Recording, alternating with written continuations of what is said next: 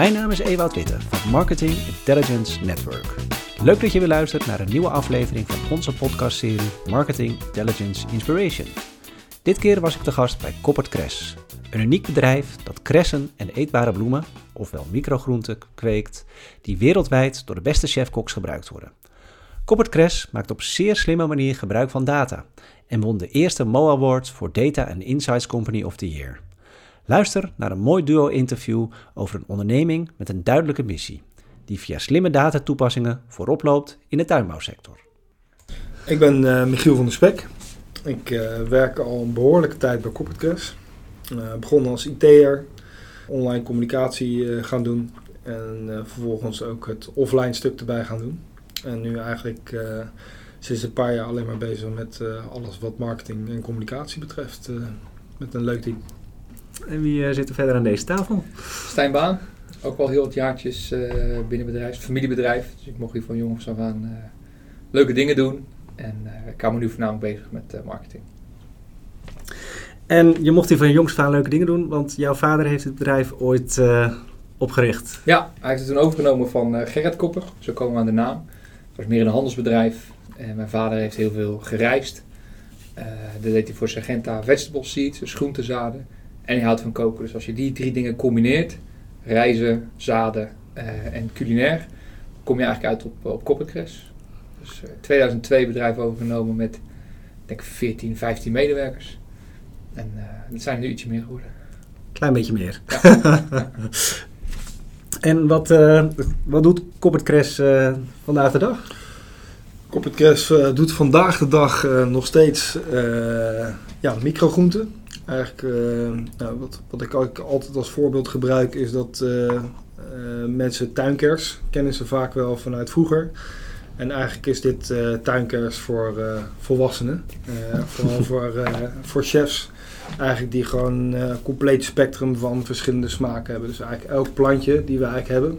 Is eigen kleur, smaak, toepassing. en naast die plantjes die dus op een ondergrondje groeien, hebben we dus ook specialiteiten als uh, eetbare blaadjes, eetbare bloemetjes, eetbare toppen. Uh, en sinds kort ook uh, caviar, of onderwater caviar eigenlijk. Wow. en, en vanille, en Nederlands vanille. Nederlands vanille. En hoe is ja. dat zo op jullie pad gekomen? Ja, vanille was echt wel een prestigeproject van, van Rob. Die vanuit de overtuiging dat je in Nederland, Nederland is een duur land, moet je geen goedkope producten maken. Dus wij zijn nooit bezig met wat kunnen we nou voor weinig produceren. Toch een van van de tuinbouw. Uh, denk daar heel erg vanuit waardecreatie. En toen het idee kwam om Nederlandse vanille te telen, dat is leuk dat het in Nederland is, maar dan wil je natuurlijk ook de beste vanille maken. En het mooie van de Nederlandse glastuinbouw is dat je eigenlijk alle klimaatcondities optimaal kan, uh, kan creëren, waardoor je uiteindelijk ook het optimale product kan maken. En dat was uh, ja, zeker een over tijd ja, het wordt niet gedeeld in kassen. Dus voornamelijk in, uh, in Madagaskar uh, wordt het geteeld. Ja. En wij kunnen de kast doen en daarmee een andere kwaliteit op de markt brengen. Wow. En dat vinden wij voornamelijk een prestigeproject. Wij leveren aan chefs, we hopen ook het hoge segment chefs te inspireren. En elke keer als we daar komen willen we iets nieuws laten zien. Dat is ook een beetje de verwachting die we hebben. en dan is het heel gaaf om dan gewoon te laten zien, wij hebben vernieuwd geteeld in Nederland. Gaaf. En los van wat jullie produceren is ook de, nou, de manier waarop uh, volgens mij uh, vrij, uh, vrij uniek. kan jij er wat meer over vertellen? Ja, de, de, de, van produceren bedoel je? Ja, gewoon hoe ja. jullie te werk gaan, processen qua ook energiebeheersing, dingen die met duurzaamheid te maken hebben. Ja, nou, ik denk dat duurzaamheid in principe, het is natuurlijk een, een trendy onderwerp de laatste paar jaren. Zeker met hoe de wereld nu gaat en waar we naartoe gaan. Uh, en ik denk dat bij ons het, het, stukje duurzaamheid eigenlijk ook al in de genen zit. Dus dat we eigenlijk gewoon hier midden in het Westland uh, zoveel omringd zijn door mensen met technieken, uh, met duurzame initiatieven. Waardoor we eigenlijk gewoon vooraf dat eigenlijk de, de lat was bepaald van dit moet het zijn. Waren wij daar eigenlijk al mee bezig. Dus ik, ik zie Rob, de, eind, de eindbaas van Corporate zie ik ook wel echt wel een beetje als een Willy Wortel als het gaat over ja, het doen van dingen die er nog niet zijn. En dat, dat is ook zeg maar richting de overheid is dat een hele mooie ja, manier om toch het gesprek aan te gaan. Van joh, jongens, het kan anders. En daarom dus ook echt op de tribune te gaan staan van joh, wij hebben het zo gedaan. ook puur als inspiratiebron eigenlijk, richting de andere partijen om ons heen. Ja. Maar ook richting de rest van de wereld. Uh, en ja, wetende dat tuinbouw is in Nederland niet zo'n heel groot begrip. Maar de rest van de wereld kijkt wel naar Nederland over hoe wij het hier eigenlijk flikken. Dus Ja. dat is wel heel, uh, wel heel bijzonder. Met natuurlijk een uh, enorme positie als exporteur van, uh, van producten in, Ja. in de wereld. En wij doen dingen anders. Kan je daar een aantal voorbeelden van noemen? Ik denk voor ons is het het omdenken. Ja. Dus waar je kan kijken naar de sector, zeg je dat is energieverbruikers, is onze kast zo ingericht. Uh, wij oogsten de warmte uit de kast. Vandaag een lekker zonnetje. Die de meeste tuinders gooien raam open om die warmte eruit te laten. Wij kunnen de ramen gesloten houden en die warmte oogsten. En die warmte kunnen we 170 meter diep in de grond stoppen. Omdat wanneer het straks koud is, die warmte weer naar boven te halen en onze kast mee te verwarmen. Dus wij hebben een kast die de potentie heeft om CO2-neutraal te zijn. Dat betekent ook dat hier tegenover een paar huizen staan die de warmte krijgen van onze kas. Dat is een kleine schaal. Um, maar als je dat groter maakt, dus je kijkt niet naar één kas die huizen verwarmt, maar je kijkt naar een regio zoals Westland die Den Haag gaat verwarmen, dan kan je dus in plaats van energieslurper, energieleverancier zijn. En wij doen het dan op respectieve kleine schaal. Maar als het klein kan, dan kan het ook groot. Uh, dus dat is wel een van de dingen die wij uh, anders doen. Eén van de dingen. Daar gaan we straks nog over, over wat meer uh, voorbeelden volgens mij komen. Um, en wat je nou niet gevraagd hebt, is waarom we het doen. Want je hebt de wat, je hebt de hoe, maar de waarom is denk ik de belangrijkste vraag. Uh, en daar komt onze gedrevenheid ook vandaan. Dus wij geloven dat goede voeding cruciaal is voor gezond bestaan. En onze missie is om anders te laten kijken naar eten. Nou, dat kunnen wij doen door in een gerecht een mooi blaadje erop te leggen. Maar dat doen we het liefst door een dialoog aan te gaan met chefs met eindgebruikers of met de sector. Dus daar zit bij ons het aan. Daarom vind ik ook gaaf om onderdeel te zijn van een podcast. Om, het kan anders, maar het moet Ja. ook anders. En dat, uh, dat laten we graag zien. Ja, en onder meer al uh, heb ik dat live mogen ervaren vanuit jullie bedrijfskantine. Ja. Dat jullie echt uh, een gezonde missie daarnaast streven. Ja, je kan veel praten over gezondheid. Uh, maar op een gegeven moment zeggen, laten we het in de praktijk brengen. Dus bij ons, elke collega die krijgt elke dag een gratis lunch. Of het nou een salade is of een, uh, een broodje gezond of iets dergelijks. Dat vinden wij belangrijk. En dat, uh, dat doen we dan ook. Dus niet alleen maar praten, maar ook gewoon doen. Mooie missie. En krijgen jullie al veel andere uh, partijen uit de omgeving mee met jullie missie? Ook vanuit het stukje wat jullie voor de, de omgeving willen doen bijvoorbeeld? Uh, ja, nou, ik denk als we het over dat, de lunchrestaurant eigenlijk hebben. Zeker toen we dat lanceerden in 2016, gok ik uit mijn hoofd eventjes. Toen ja, kwamen daar eigenlijk toen de persberichten uitstuurden van ja, we hebben een mooi restaurant gelanceerd, duurzaamheid, gezonde voeding, et cetera, et cetera. Ja, toen waren eigenlijk alle mensen die eigenlijk reageerden, ook uit de omgeving, joh, dit wil ik ook op mijn werk. Weet je, dus ergens zie je wel, zeg maar, gewoon dat mensen er naar kijken van buitenaf. Joh, dit, dit zijn gewoon toffe initiatieven. En dat geldt natuurlijk niet alleen voor het restaurant, maar dat geldt ook voor alle duurzame initiatieven die we natuurlijk in de kassen eigenlijk doen. Uh, van andere kassen of van verenigingen. Of, ja, dat, dat wordt wel heel erg uh, gezien. Dus zeker ook Corporate wordt, durf ik wel te zeggen, ook echt wel als een voorbeeld gezien als het gaat over innovatie in tuinbouw, maar ook op het gebied van voeding uiteraard. Uh, dus dat zijn wel hele leuke, ja, leuke aspecten ervan. Waar ik ook vooral sterk in geïnteresseerd ben, is wat jullie allemaal doen op het gebied van, van data en insights. Aantal mooie voorbeelden, volgens mij al wel stiekem daar iets van kunnen zien. Ja, bijvoorbeeld vanuit voorspelmodellen. Dat je inderdaad met die manier eigenlijk veel beter in kaart kunt brengen van ja, wat, je moet, wat je moet kweken. Hoe, hoe lang werken jullie al daarmee? Ik denk dat wij nu in ons vijfde jaar zitten dat we daar uh, echt gestructureerd mee bezig zijn. In het verleden hebben wij wel, ik zelf ook getracht, de naïeve ik, uh, om in Excel-bestandjes uh, een, een, zijschema te maken. Um, maar het gaat voorbij Excel. Als je alle variabelen mee moet nemen, dan ging het niet voor mij pet te boven. dus daar hebben we hulp bij gekregen om dat goed en gestructureerd te doen. En zelfs vandaag de dag, ondanks dat we mega grote stappen gemaakt hebben, zijn we nog steeds aan het sleutelen aan de voorspelmodellen en de, ja, de systemen die erachter zitten. En hoeveel efficiënter heeft dat jullie gemaakt? Kun je daar, daar iets over zeggen? Ja, zeker. Ik denk dat het, uh, je moet voorstellen, dus onze kas, als je in onze kas komt, zie je lege plekken. Hm. Uh, we hebben tilten, dat zijn dan de kressen, uh, gemiddeld 14 dagen tilt. Dus wij zaaien vandaag wat wij denken dat we over 15 dagen gaan verkopen. Die bestelling is nog niet geplaatst. De bestellingen komen bij ons vaak tussen 6 en uh, 8 komen ze binnen en worden uitgeleverd tussen 8 en 10. Zo. Dus het is te laat om te zaaien. Ja. het is ook te laat om het in te pakken. Ja. Dus eigenlijk het product staat klaar, maar we weten nog niet wie het gaat kopen. Maar we weten wel dat het gekocht gaat worden. Dus ons zaaischema houdt eigenlijk in dat wij vandaag 105% zaaien wat we denken dat we kunnen gaan verkopen. En als wij vandaag meer verkopen dan we hadden geschat, of minder, dan passen wij morgen ons zaaischema weer aan door de midden. Dus je constant producten in je pijplijn zitten van productie die, uh, die eraan komen. Dus dat is ook vrij uniek in onze sector. Een tomatenkast die vul je elke vierkante meter. Hoop je zo hoog mogelijk oogst per vierkante meter. En je verkoopt het, met alle respect, tegen elk aannemende pot. Want je moet er wel vanaf, tomaat kan je niet Ja. bewaren. Dus voor ons is het heel anders. Wij, vragen, wij telen precies wat de vraag is van eh, de klant. Maar die klanten plaatsen geen bestellingen. Nee. Althans, die plaatsen, maar die moet binnen twee weken invullen. Dus daar zit een grote stap. En ik kan ze niet allemaal opnoemen, maar ik weet dat er tien variabelen zijn die we meenemen. Eén is de teeltduur. In de Mhm. zomer gaat de teelt wat sneller dan in de winter. Eh, er is een beetje derving op de tafel. Dat kan 1% zijn of 2%. Maar het kan ook zijn dat het in de winter 3% is en in de zomer 4%. Dus die nemen we mee. Eh, vervolgens de verkoop. Nou, vandaag 1 november is een feestdag. Is in Frankrijk de verkoop wat minder. Maar dat is een feestdag die vandaag op maandag valt. Vorig jaar viel hij op een andere dag. Dat nemen we ook mee.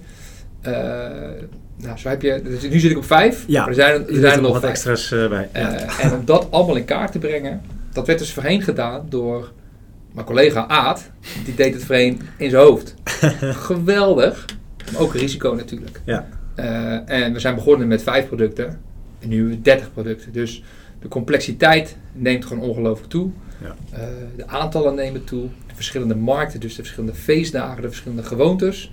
Dat neemt ook allemaal toe. Dus, ehm, en nog steeds, vandaag de dag, leunen we nog steeds ook op zijn inzicht, zijn buikgevoel.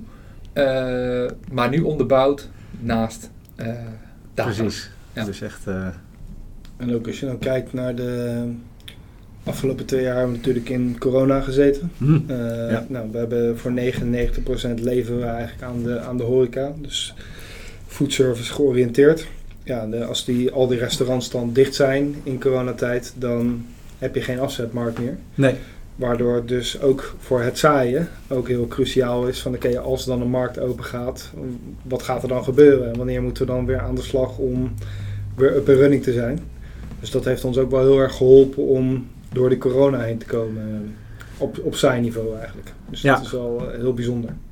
Even goed een pittige tijd kan ik me voorstellen, maar wel vanuit je innovatiekracht misschien wel goed dat je al dat soort eh, Ja, initiatief hebt opgezet.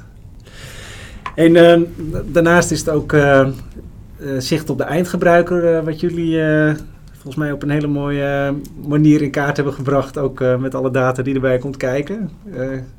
Kun jij er wat van vertellen? ja jullie we, dat? we, hebben eigenlijk op, we zijn eigenlijk al jaren bezig, omdat het, het, het model wat Corporate Press eigenlijk ademt, is dat we eigenlijk vanaf het begin toen eigenlijk Rob het heeft overgenomen in, eh, in 2002, gewoon direct op de eindgebruiker is gaan focussen.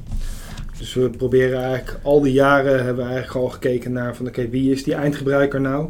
Dus het klassieke doelgroepenverhaal. Ja. En eh, dat is eigenlijk ook met het, het, ja, de omgeving van data is dat alleen maar sterker geworden.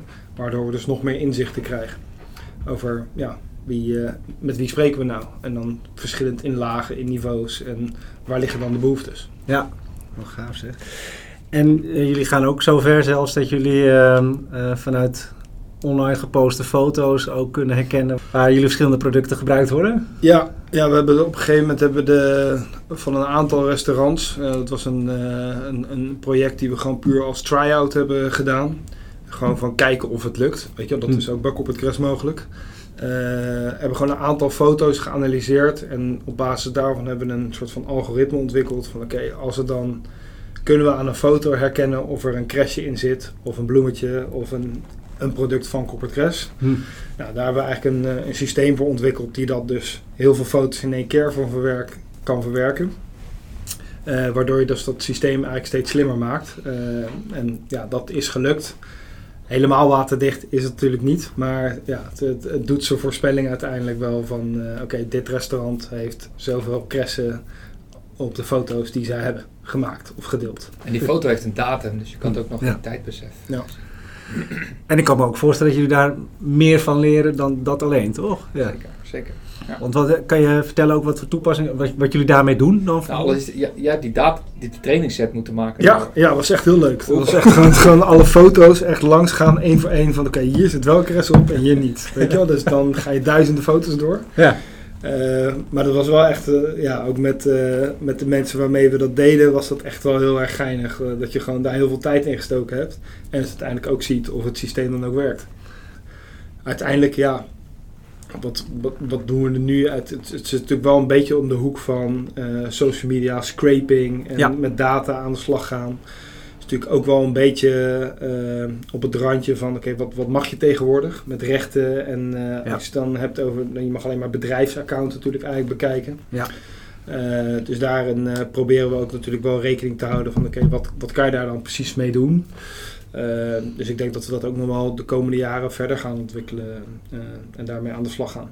En op een gegeven moment hebben we ook best wel een versnelling gemaakt met de inzichten die we kregen uit de markt. Ja, dat zijn goede inzichten, maar de vervolgstap is menselijk contact. Wij leveren aan chefs. Ja. Chefs zijn echt gevoelsmensen.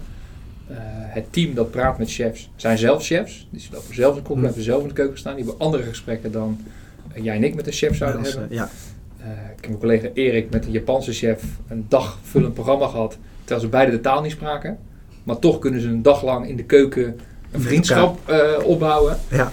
Eh, dus die menselijke contact is eigenlijk nu ook wel weer een focusgebied van oké, als we nou deze inzichten hebben, als dit eruit komt, wat is dan de stap die we gaan maken als mensen in plaats van het systeem?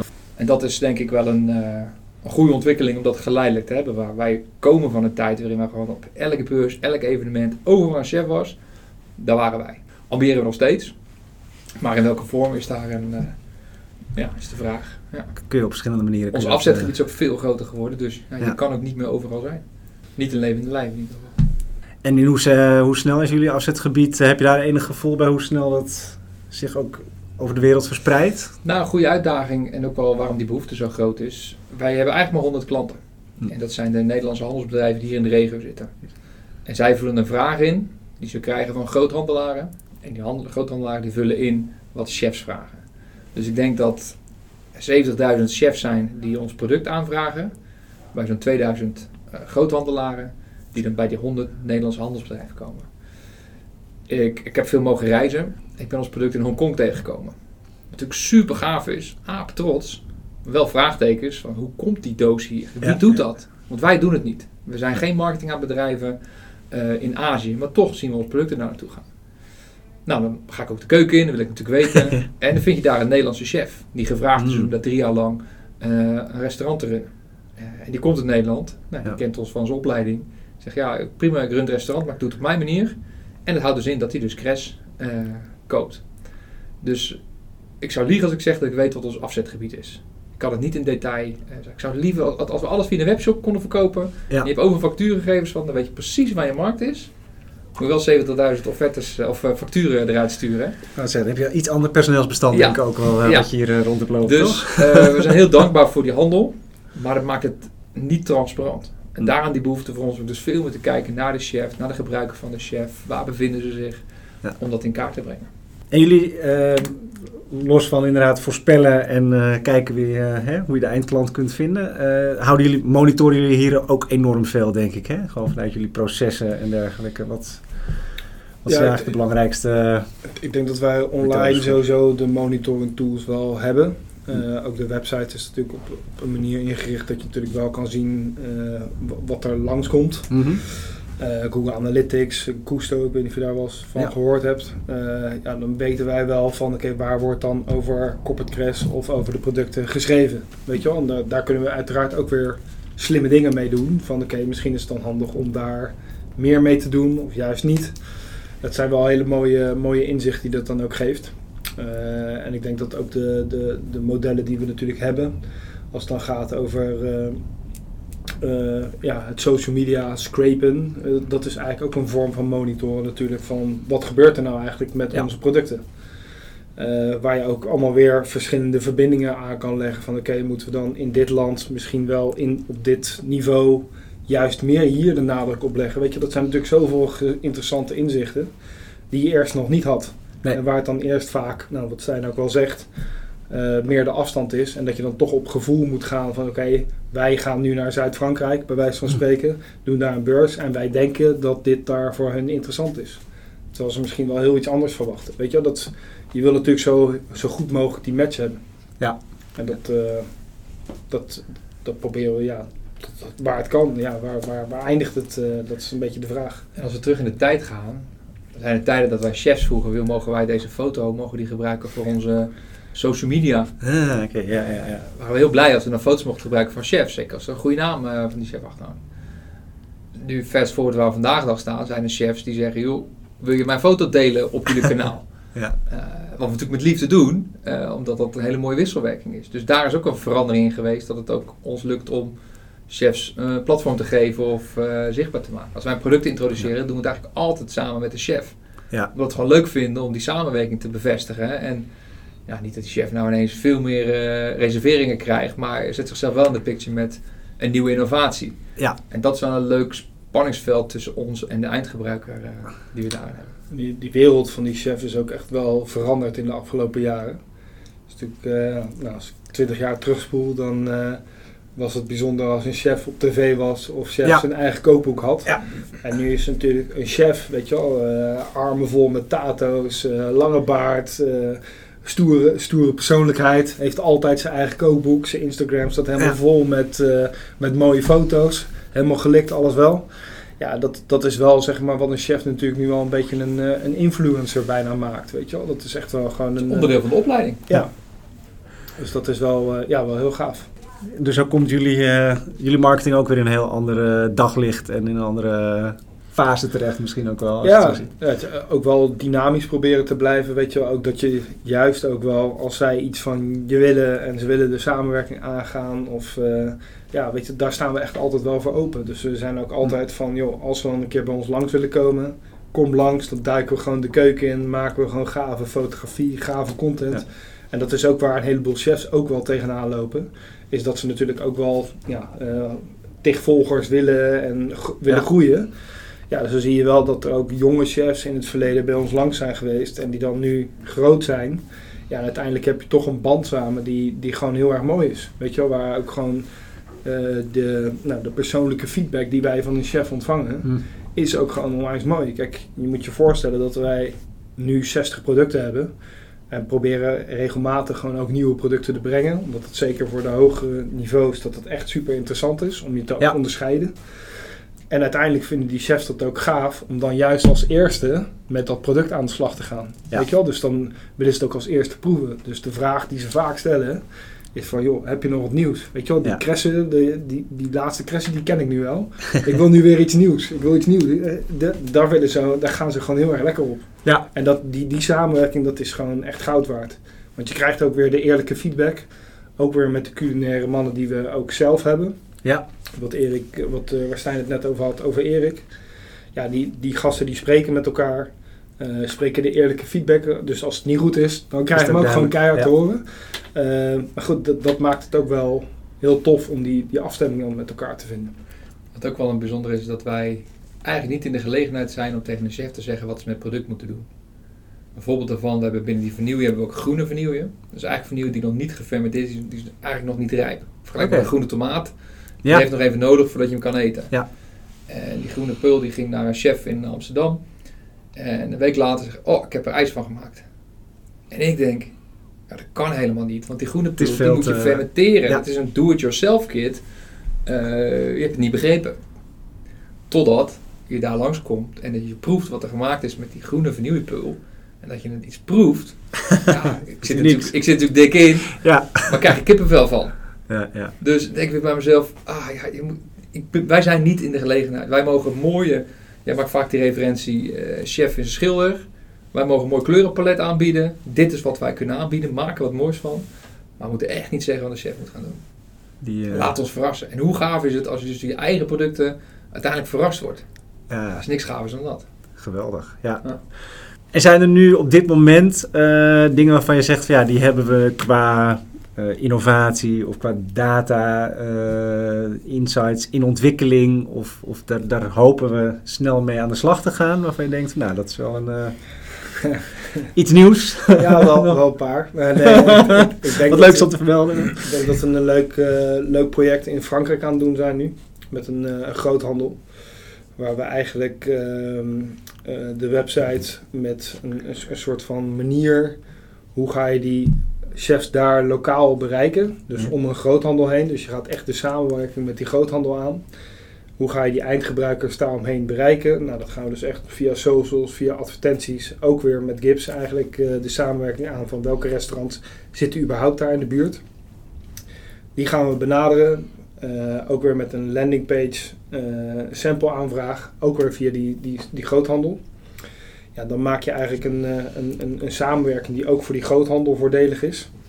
Ehm, en uiteindelijk eh, ja, hopen we daarin eh, ook een, een stap te zetten. Door dat ook weer inzichtelijk te krijgen. Oké, hoe ga je het systeem rond krijgen? Ja, Weet je wel, welke Ja. data ga je nou terugkrijgen? En ja, dat is de, de, daar staan we nu eigenlijk aan de vooravond van. Er zijn allemaal nog heel veel onduidelijkheden wat er nu uiteindelijk eerst gaat komen. Maar dat, daar, daar heb ik wel vertrouwen in dat daar de, de volgende stap daar, in eh, de, de projecten met data gaat zijn. Kijk, als je op de oldschool manier eh, doet, dan gaan we naar een evenement of een beurs of bij een groothandel gaan we naar, eh, geven we een show, een crispins, proeverij, doen van Ja. alles. En dan kan het zijn dat de verkoop van die groothandel omhoog gaat. Maar dat zien wij niet, want die groothandel die koopt het in bij die handelaar. En die handelaar die heeft nog 200 andere klanten. Dus ook al gaat de verkoop omhoog op die groothandelaar, kunnen we het niet gelijk zien in de Nee. verkoop die terugkomt. Dus eh, deze hyperlokale campagnes die we doen, doen we dus in samenstelling met die groothandelaar. Ik zeg, het kost u niks. Laat ons in deze regio herrie maken. Ja. En of het nou digitaal is, of een beurs of evenementen, we gaan er staan. Maar we willen wel zorgen dat het terug te traceren is naar jullie.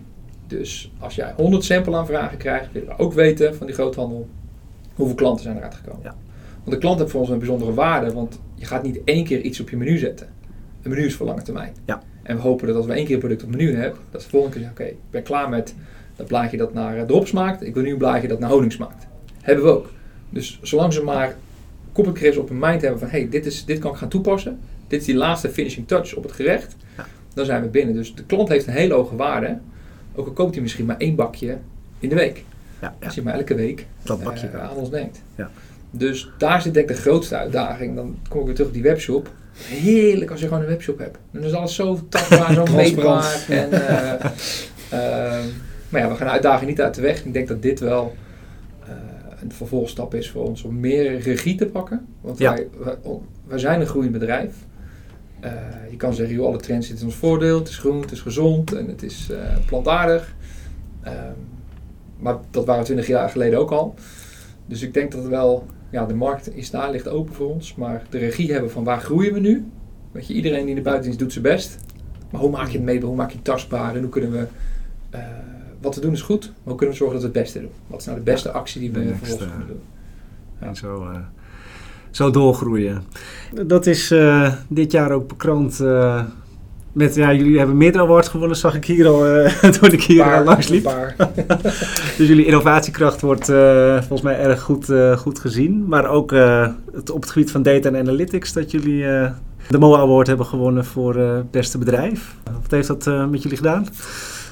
Ja, ik, ik zei het net al eerlijk. Ik wist voorheen niet dat die prijs bestond. Ja. Maar toen ik ervan hoorde, wou ik wel heel graag dat we hem gingen winnen.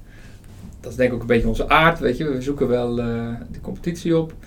Eh, of dat zo voelt het dan voor ons. Maar binnen tuinbouw is anders dan als je het over data en analytics. En voor mij is de afstand tussen die twee elementen is te groot. Ja. De tuinbouw kan zoveel meer bereiken als we meer toepassingen doen op data en analytics. Dus dat was eigenlijk wel een drijfveer om, als we hiervoor gaan inschrijven, dan gaan we er ook, dan gaan we er ook voor. Ehm, dus ja, super gaaf. En de bedrijven die genomineerd zijn, zijn natuurlijk wel serieuze bedrijven. Geen kleintjes? Nee. Die daar eh, iets meer mensen op hebben zitten dan wij hebben zitten. Maar Ja. een van de dingen uit de juryrapport waar ik dan wel trots op ben, dit is, wat ik begin zei, dit is omdenken. Dit is anders denken. Dit is de keten veranderen. En voor mij is die heel sterk dat je de regie pakt over je keten. En die zit diep, want in onze sector zijn eigenlijk hoop. Het is een bedrijf, maar productiebedrijf, nou als boeren of een tomatenteler, heeft heel veel regie uit handen gegeven. De veiling bepaalt wat de prijs wordt voor je tomaat. Of Campine bepaalt de prijs voor je melk. Dus je hebt heel veel dingen afgestoten. Je hoeft niet druk te maken over marketing. Je hoeft niet druk te maken over communicatie. Eigenlijk wat je doet is alleen maar focus op productieproces. Ja. Het is natuurlijk mooi. Daar hebben we in Nederland super veel efficiëntie. En daarom zijn we voorloper in een hoop van deze sectoren. Maar uiteindelijk heb je geen regie. Nee. Want jij bepaalt niet waar je product terechtkomt. Dus je hebt ook geen stuur om te pakken als het fout gaat. En dat vind ik kenmerkend voor, eh, voor ja, misschien voedselproductie of landbouw, eh, wat daar wel onder valt. If you're not at the dinner table, you're lunch. Dus je moet zorgen dat je aan tafel zit. Ja. Anders, eh, nou, in vandaag, klimaat van vandaag, dan, eh, Nou ja, ja. dan ik hou het netjes, maar dan kan je het kortste eind trekken, laat ik het zo zeggen. Ja, ja. Dus daar komt die gedrevenheid wel vandaan. En ik denk dat binnen onze sector nou, echt prachtige producten maken waar we gewoon de Ferrari binnen de tuinbouw, dat, dat zijn wij niet kopgericht, maar dat is de Nederlandse tuinbouwsector. Ja. Maar we toch een beetje bescheidenheid hebben. Of doe maar normaal. Eh vind ik zonde. Ja. We mogen ons echt wel wat meer eh, zichtbaar maken. En als je dan nou, een Talpa en een eh, Interpolis en er staat Coppercrest tussen. Ja, ik weet dat niemand in die zaal, 99% van die zaal, fuck is Coppercrest. Ja, vind ik kicken om, dan wel, eh, om daar wel het verhaal te vertellen. Ik vond het ook heel leuk om het verhaal te vertellen voor een andere groep. Ik heb ook niks te... te er zitten geen klanten in de zaal eh, op zo'n eh, op Nee, zo'n, nee, het is een hele andere dynamiek, hè? Ja, en dan komt het wel van, van ja, let's change the way we look at food. Laten we eens anders naar die keten kijken en eh, Ja, gaaf. de boel een beetje opgooien. Ik denk, ja, wat ik van alle kanten hoor ook een, en, en zelf heb ervaren, een prachtig verhaal. Eh, tot slot nog een eh, vraag die ik altijd aan het einde wel stel. Eh, zijn er specifieke dingen die jullie lezen, die jullie volgen, personen, om bij te blijven in jullie vakgebied, in jullie marketingontwikkeling, op de datakant, breder dan dat? Zijn er nog dingen die je daarin kan, kan aanbevelen aan dit eh, luisterpubliek? Mag, mag van alles zijn. Ja, hè? concrete richting vind ik, vind ik moeilijk. Ehm, maar wat, wat mijn aandacht wel heel erg pakt is... het is natuurlijk een groot project en daar zijn we zijdelings een beetje bij betrokken. Is Art-Driven Innovations. Dus vanuit kunst Hmm. en AI kijken naar problemen. Ja, ja. Eh, ik denk kunstenaars vaak onderschat worden in de maatschappelijke impact die ze kunnen hebben. En daar zijn wel hele gave initiatieven uit. En ja, nogmaals, die sector graag naar buiten wil zien treden, dan moet je dus die kunstenaars opzoeken. Moet je die, nou, we hebben een heel mooi project met Rem Koolhaas gedaan in New York, waar de tuinbouw zichtbaar werd. Ja, die outsiders, dat zijn wel de mensen die ons binnen een sector, klein, klein wereldje, wel veel verder gaan helpen. Dus eh, ik heb een paar voorbeelden vanuit Art-Driven Innovations. Maar ik vind het moeilijk om daar nu een naam aan te koppelen van waar we dat gaan doen, maar eh, die hou je nog te goed voor mij. Geen probleem. Leuk. Ja. Goed zeg. Jij nog andere dingen Ik, aanvullingen? heb, eh, ja, ik moet eerlijk zeggen dat ik wel een, een, een nieuwsgrazer, eh, een monitoring eh, persoon zelf ook ben. Dus ik ben wel regelmatig met de Frank watching en de, de cliché affirmaties en dat soort bronnen ben ik heel veel bezig. Ook niet echt één nu op dit moment één specifiek boek waarvan ik denk van nou dat is nu een boek waarvan ik de eye-opener. de eye-opener. eh, dus eh, als ik er een eh, tegenkom dan ga ik dat zeker laten weten. Ja, ik keek in mijn studietijd, kwam adformatie kwam gewoon vaak regelmatig voorbij. En Meteen, nu stond hè? Corporate Crash op adformatie. Ja, dat vind ik dat toch wel weer... dat is ze- zeker toch. Ja. En hiermee zijn we weer aan het einde gekomen van deze podcast. Ik hoop dat je het weer interessant vond. Er staan weer nieuwe podcasts in de planning, dus hou onze website, LinkedIn of jouw favoriete podcast app weer goed in de gaten. Leuk dat je luisterde en hopelijk tot de volgende.